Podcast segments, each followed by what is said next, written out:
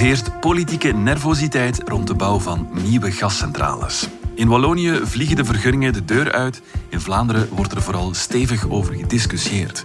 Maar waarover gaat die discussie nu juist? En zal Vlaanderen straks in het donker zitten als er geen gascentrales gebouwd worden? Het is woensdag 4 augustus. Ik ben Niels de Keukelare en dit is vandaag de dagelijkse podcast van de Standaard.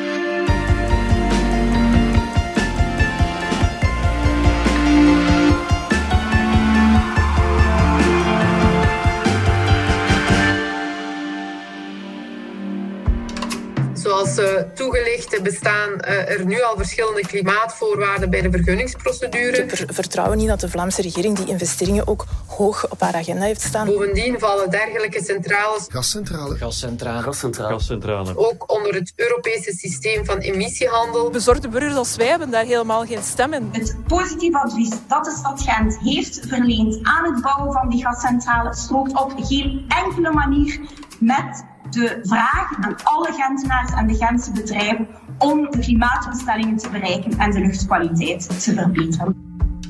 Simon Andries van onze politieke redactie en Pascal Sertijn van onze economieredactie. Engie Electrabel heeft vorige week groen licht gekregen van de Waalse overheid om een gascentrale in Awier bij Luik te bouwen. Het is al de vierde nieuwe gascentrale in Wallonië die een vergunning krijgt. In Vlaanderen gaat het beduidend minder vlot. Zo werd recent nog een vergunning geweigerd voor een nieuwe gascentrale in Vilvoorde. En in beroep kreeg ook de gascentrale in Deelsum-Stokken van het stadsbestuur een negatief advies.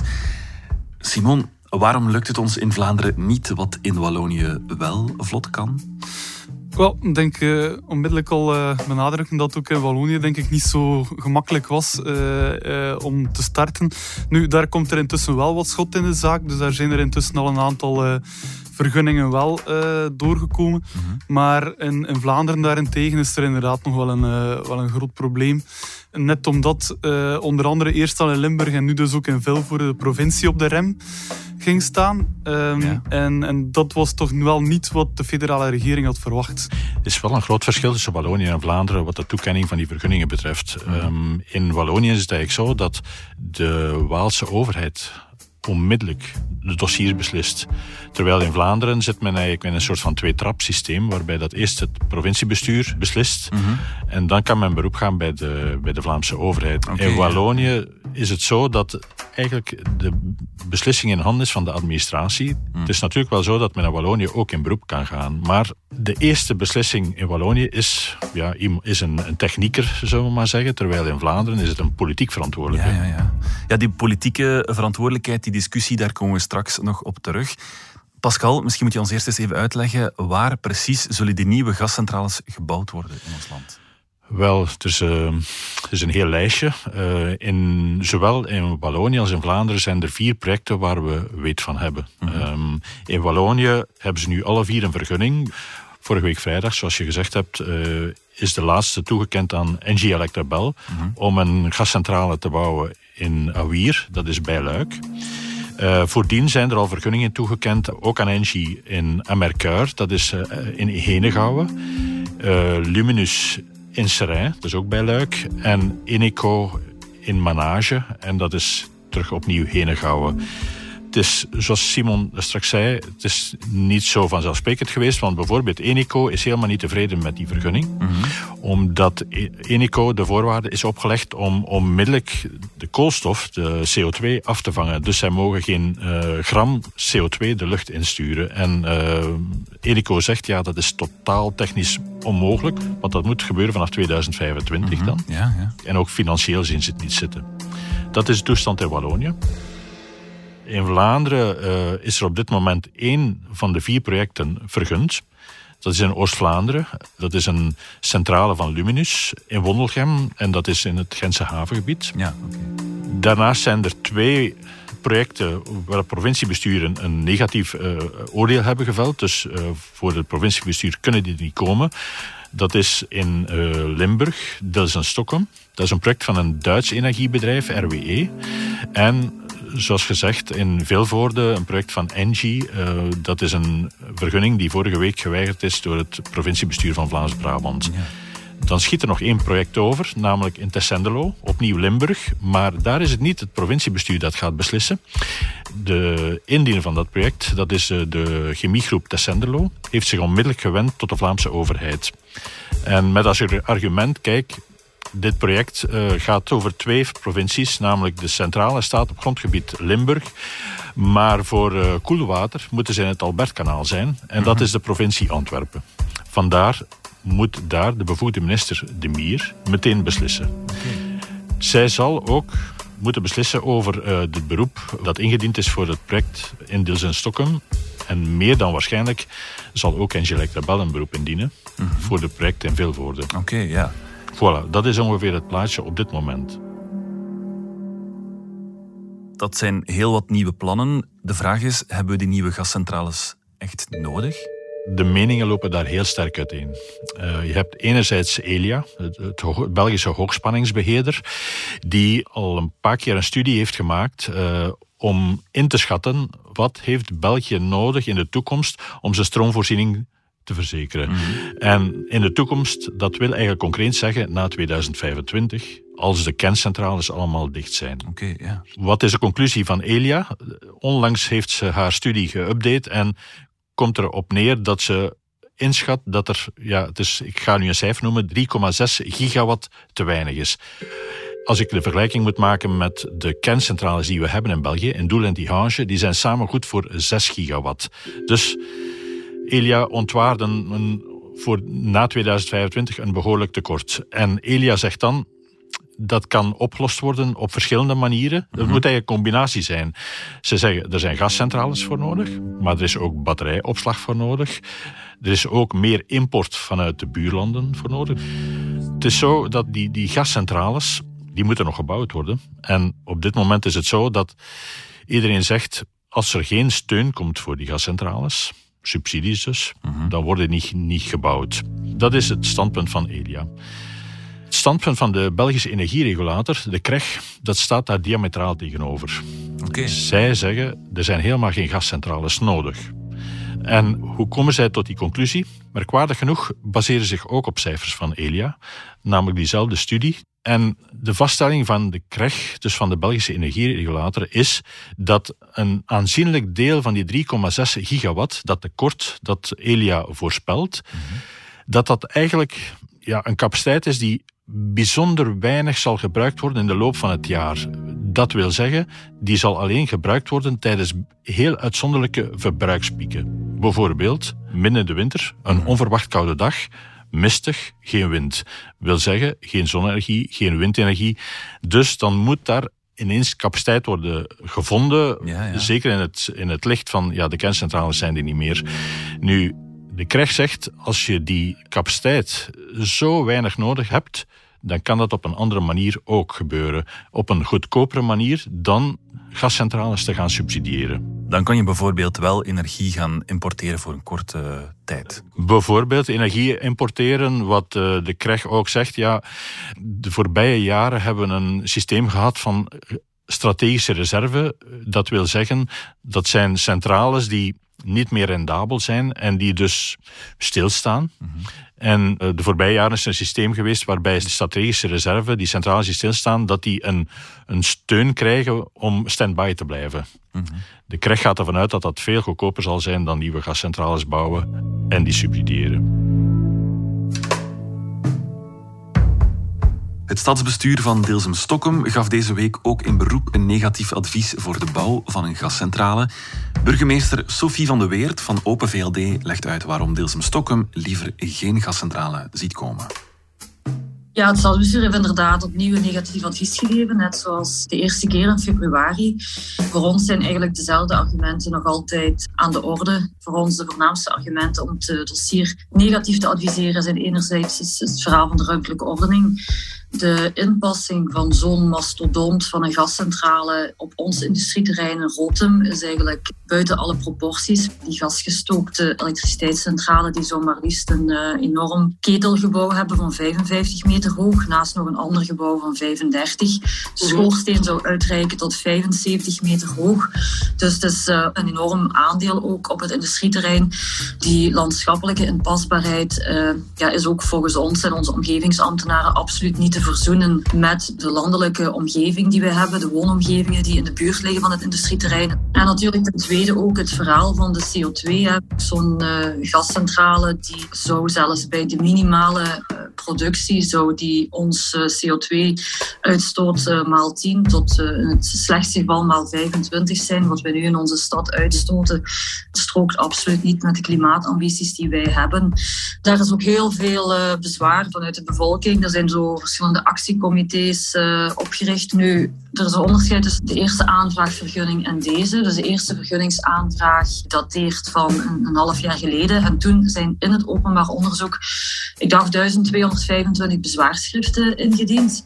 Nu loopt dat tweede openbaar onderzoek nog altijd. En hoeveel bezwaren er op dit moment binnen zijn, weet ik niet. Dus daar zullen we de datum van 15 augustus moeten afwachten. Maar naar wat ik verneem uh, van inwoners, van mensen in dat actiecomité, weet ik dat zij volop weer bezig zijn om bezwaren in te zamelen. En uh, lees ik zelfs dat zij verwachten dat er nog meer bezwaren zullen ingediend worden als een half jaar geleden. Simon, er zijn twee politieke partijen die in deze discussie lijnrecht tegenover elkaar staan. Dat zijn N-VA en Groen. Federaal minister van Energie Tinne van der Straten van Groen zit daarbij volledig op dezelfde lijn als Elia. Ja, ja, ja klopt. En, het, het, was vorige week vooral heel duidelijk bij de gascentrale van Vilvoorde, die, zoals Pascal al zei, dus uh, afgeschoten is geweest door het provinciebestuur. En vanaf dat die beslissing genomen was, uh, begon het politieke spel eigenlijk al onmiddellijk. Dus uh, vanuit Groen werd onmiddellijk aangegeven dat het uh, ja, politiek geïnspireerd was, die beslissing. Waar dat, vooral dus, er is een N-VA-deputé in de provincie Vlaams-Brabant die daarover beslist. Dus Groen zag onmiddellijk een beweging vanuit N-VA en van, vanuit N-VA-minister Joël Demir mm -hmm. om dus die gascentrales tegen te houden. Dat werd ook aangeblazen omdat de N-VA-voorzitter Bart de Wever al onmiddellijk na die beslissing dat er genoeg tijd en geld verspild geweest is door uitstelgedrag. Mhm. Dat hij dat dus ook aangeriep om aan te tonen van die eh, kernuitstap zoals de federale regering die nu wil, eh, dat die niet haalbaar is. Uh, N-VA is er al lang voorstander van om die twee jongste kerncentrales langer open te houden. Ja. Nu, ik moet er ook onmiddellijk bij zeggen dat vanuit de provincie dat uh, ook werd tegengesproken dat er sprake was van politieke uh, spelletjes. Mm -hmm. zij benadrukken daar vooral dat het gewoon niet te aanvaarden is voor Vlaams-Brabant. Uh, Zo'n zo gascentrale met een, uh, een veel grotere CO2-uitstoot de, de uitstoot van, uh, van stikstof, waar dat uh, Zoaldemir eigenlijk nog maar net de regels ook verstrengd heeft. Daar kijken zij dan naar als, als belangrijkste reden om het, om het niet te doen. Maar dat wordt dan een klein beetje weer tegengesproken door het feit dat de provincie zelf ook een instantie heeft die alles nakijkt, die ook waar dat de, de Vlaamse agentschap Natuur en Bos, de Milieumaatschappij, dat allemaal bekijkt, heel dat project. En die hebben wel het licht op groen gezet. Ja, ja, dus die hebben wel gezegd, onder heel strikte voorwaarden voorwaarden dat het project er toch wel kon, uh, kon komen.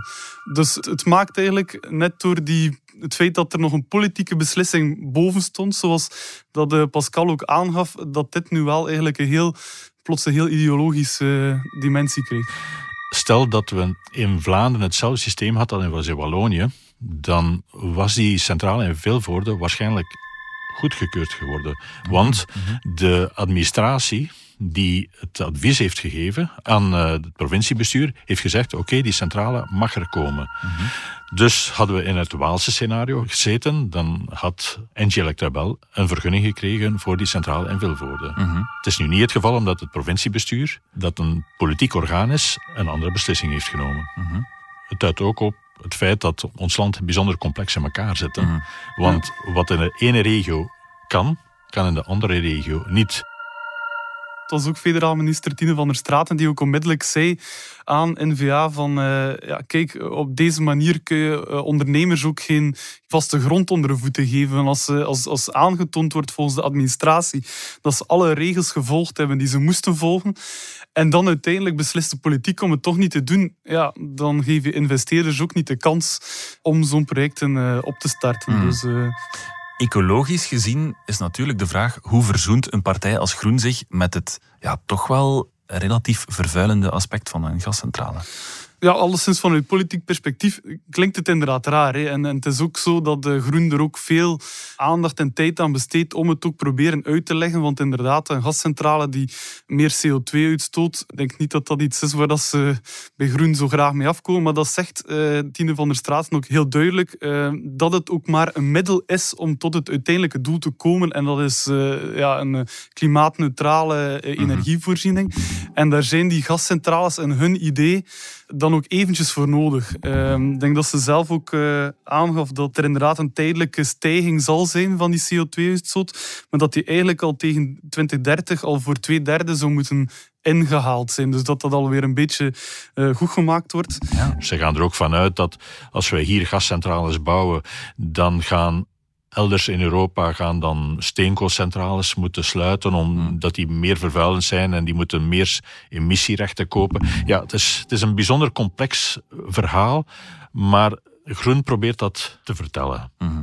Maar de vraag is, ja, het geloof daarin, dat uh, verschilt sterk van uh, partij tot partij, hebben we nu al gezien. Maar ook binnen partijen staan de neuzen niet altijd in dezelfde richting. Ja, bijvoorbeeld bij, bij N-VA, die nu uh, wel de discussie heel graag bij monden dan van uh, N-VA-minister Zwaldemir uh, wat aanblaast. ook voor N-VA is het een lastig dossier en is het ook een beetje een verhaal van gas geven, remmen en toch weer gas geven. Mhm. Eind november vorig jaar zei eh, Vlaams minister-president Jan Jan Bon nog aan de regionale nieuwszender ATV dat, uh, dat zijn partij inderdaad wel een coole minnaar is van die gascentrales, maar dat ze ook niet zouden gaan dwarsleggen. Hmm. Dat hij zelf ook zei van uh, de regels zijn de regels. Ja, tegelijk merk je dan, en het was ook heel duidelijk vorige week, dat uh, zowel de Mier zelfs met een Facebook-post aangaf van ja, we gaan hier geen cadeaus geven rond die gascentrales aan de federale minister. Hmm. Ze zeiden onmiddellijk wel onder die Facebook-post van ja, dit is nog geen uh, voorafname op de uiteindelijke beslissingen die ik zal nemen over die gascentrales. Want veel van die beslissingen komen nog op haar bureau terecht als er uh, beroep wordt aangetekend. De timing is ook opvallend, want uh, nog maar een paar maanden geleden is de gascentrale in Oost-Vlaanderen, dus in Wondelgem, is die wel goedgekeurd. Mm En dat was ook met NVA-deputés in die provincie komt daar nog een keer het feit bij ook dat uh, ja, federaal minister Tine van der Straten ook wel terecht aangeeft dat op een bepaald moment in 2019 nog in de, in de Kamer dat N-VA nog mee voorstander en, en meevragende partij was voor die nieuwe gascentrales. Dus mm -hmm. Uh, dan maakt dat ook NVA niet helemaal uh, uh, ja, rechtlijnig in het dossier staat. Belangrijk om daarbij ook wel te vermelden is dat in die provincieraad natuurlijk niet alleen NVA er zit, maar dat, dat, ook, dat die beslissing ook genomen is door CD&V en Open VLD.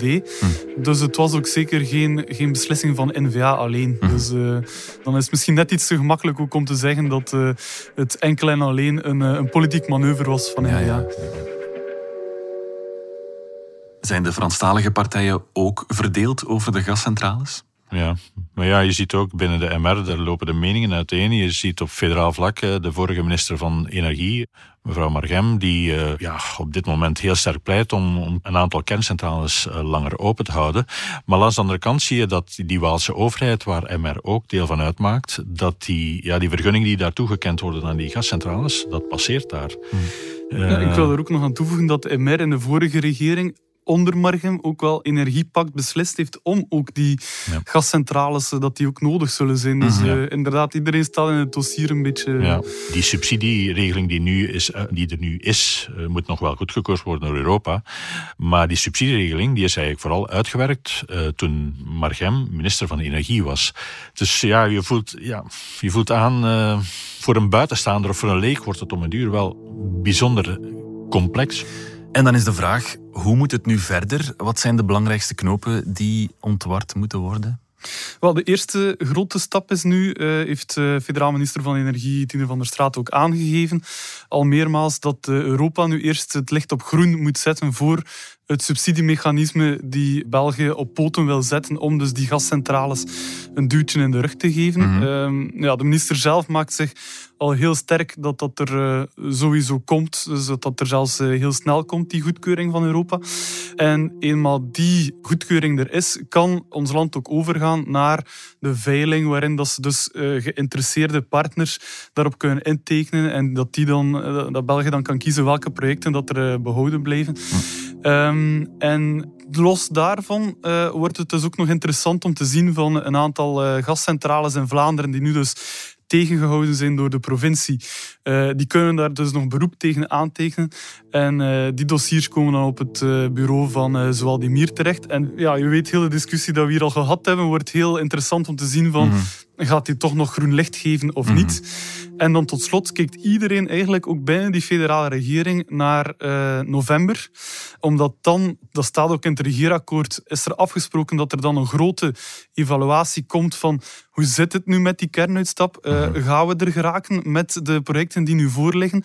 En dan uh, liggen er wel een aantal partijen, zoals de Franstalige Liberalen met de MR op vinkenslag, om te zeggen van, uh, ja, nee, dit is onhaalbaar. We gaan toch die kerncentrales, die twee jongsten, nog even moeten openhouden. Maar dat valt dus allemaal nog af te wachten. En ook opvallend, uh, ook Tine van der Straten zelf geeft aan van, ik ga niet kosten wat het kost hier doordrijven, wat dat, als het niet mogelijk blijkt te zijn, dan volgen we het regeerakkoord en dan uh, gaan we inderdaad zoeken naar alternatieven. Maar natuurlijk hopen zij wel dat tegen november dat ze daar een heel strak en duidelijk plan hebben liggen waarin dat wel mogelijk blijkt ja. om, om het uit te voeren. Op het kabinet van minister Van der Straten geven ze ook wel aan dat uh, Vlaanderen moet zorgen dat ze de boot niet missen, want uh, er zijn intussen al ja, veel projecten aan Waalse kant. En als straks al die investeringen naar, naar Wallonië gaan uh, ja, en, en, geen enkele aan, aan Vlaamse kant, ja, dan schiet Vlaanderen zichzelf daarmee ook wat in de voet. Dus dat is alleszins hetgeen waar dat Groen en Van der Straten ook wat mee, mee dreigen. Maar bon, dat is dan inderdaad nog af te wachten van wat er ook aan Waalse kant ook definitief wordt beslist. Ja. Petra de Sutter van Groen kondigde in onze krant trots aan dat haar partij de geschiedenis zal ingaan als de partij die de kernuitstappen heeft gerealiseerd. Zal haar dat lukken, denken jullie? Ik vond het alleszins een heel uh, straffe uitspraak. Ik denk dat ze daar beter wat voorzichtiger mee zijn. Net omdat het ook niet alleen van haar partij afhangt. zoals dat Pascal al zei, ons toont opnieuw dit dossier bij uitstek toont, aan hoe complex ons land in elkaar zit. En hoe dat mm-hmm. alles ook afhankelijk is van verschillende politieke partijen. Dus het zal afhankelijk zijn van Zowaldemir. Het zal afhankelijk zijn van, van ook van de MR in de regering. Het zal afhankelijk zijn van welke projecten dat er nu inderdaad doorkomen of niet. Ik denk wel dat we heel snel, maar daar mag Pascal mee op uh, terecht wezen, dat we in november wel gaan weten of dat ze haar uh, belofte zal kunnen waarmaken of niet.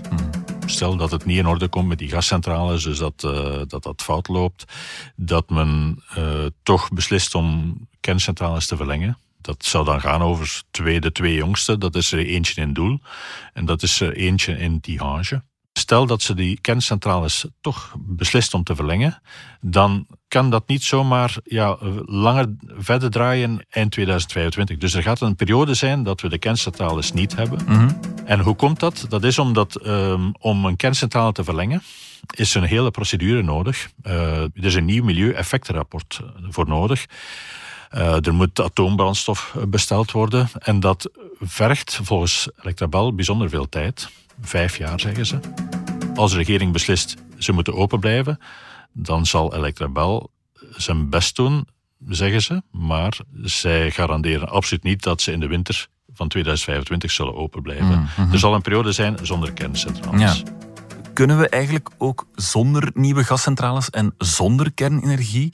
Want als we terugdenken aan de winter van 2018, toen is het licht ook blijven branden, terwijl bijna alle kerncentrales in ons land niet draaiden. Ja, dat is ook het, een van de grote argumenten van de Belgische energieregulator, de KREG, om te zeggen van kijk, we kunnen het zonder die kerncentrales en we kunnen het ook zonder gascentrales, want in de winter van 2018 is het gelukt. En ze voegen er nog aan toe, we hadden zelfs stroom over. Mm -hmm. Maar wat er ook gebeurd is, is er is heel veel geïmporteerd toen. stroom vanuit het buitenland. Mhm. Dus ja, men heeft het op die manier opgelost toen. Ja, dat gaan we misschien opnieuw moeten doen in de toekomst als het allemaal toch zou mislopen. We hopen dat de politiek er ook vooral aan uitgeraakt. Simon Andries, Pascal Sertijn, dankjewel. Oké. Okay. Dit was vandaag de dagelijkse podcast van de Standaard. Bedankt voor het luisteren. Reageren kan via podcast.standaard.be. Alle credits vind je op standaard.be-podcast. Morgen zijn we er opnieuw.